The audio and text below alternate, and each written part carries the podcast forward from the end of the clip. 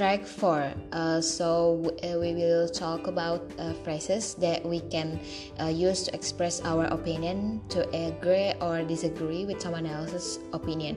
There are several phrases that signal to the listener that the speaker is about to give an opinion. These phrases are used to agree with someone's opinion and are all, and are uh, usually followed by a paraphrase the same opinion some situations are more formal than others, but here are some phrases you can use to softly disagree with someone else, like "I'm afraid I must disagree," or uh, "I see your opinion, but I'm not sure. I'm not so sure about that."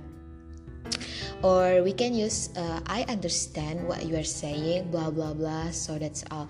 Mm, and then these phrases will help you express your opinion as well as agree or disagree with others in academic and professional discussion and then in this uh, track uh, we also in in that meeting uh, we also learn about uh, irregular verb irregular verb we have to correct in the task uh, whether there is uh, a, an error in the pronunciation of irregular verbs.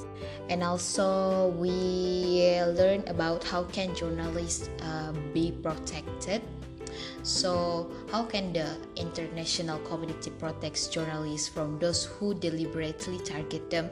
As a power had four recommendation. The first is condemn governments, non-state actors, and laws that attack or undermine journalists. Give journalists the tools they need to protect themselves in conflict zones and repressive societies.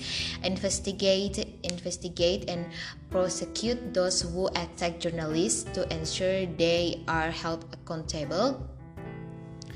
And the last is uh, create programs to uh, protect journalists in conflict zones, such as providing them with safety, security, and means of communication. And then uh, in the meeting, we also um, play a vocabulary flashcard uh, that is match the definition to the right term.